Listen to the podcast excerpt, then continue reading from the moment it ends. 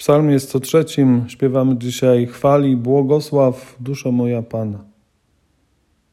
Ten Pan pamięta, że jesteśmy prochem, ale daje nam swoją łaskę, obdarza swoim miłosierdziem. Piątek w tej oktawie miłosierdzia Bożego zaprasza nas, abyśmy posłuchali słów Ewangelii o sercu Jezusa. Przyjdźcie do mnie wszyscy, którzy jesteście utrudzeni, obciążeni.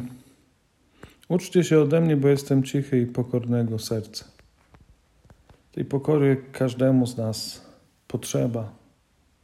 Tej prawdziwej pokory, która pamięta, że jesteśmy niczym, a Bóg jest wszystkim. Jemu trzeba się powierzać.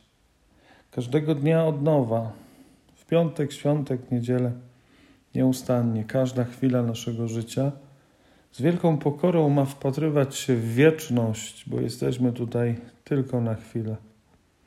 Bóg jest wszystkim. On nade wszystko jest miłosierdziem. Chce nas przygarnąć do siebie, przytulić do swojego serca. Wyrzućmy więc z naszego życia pychę i egoizm. Niechaj to nasze serce napełni się łaską.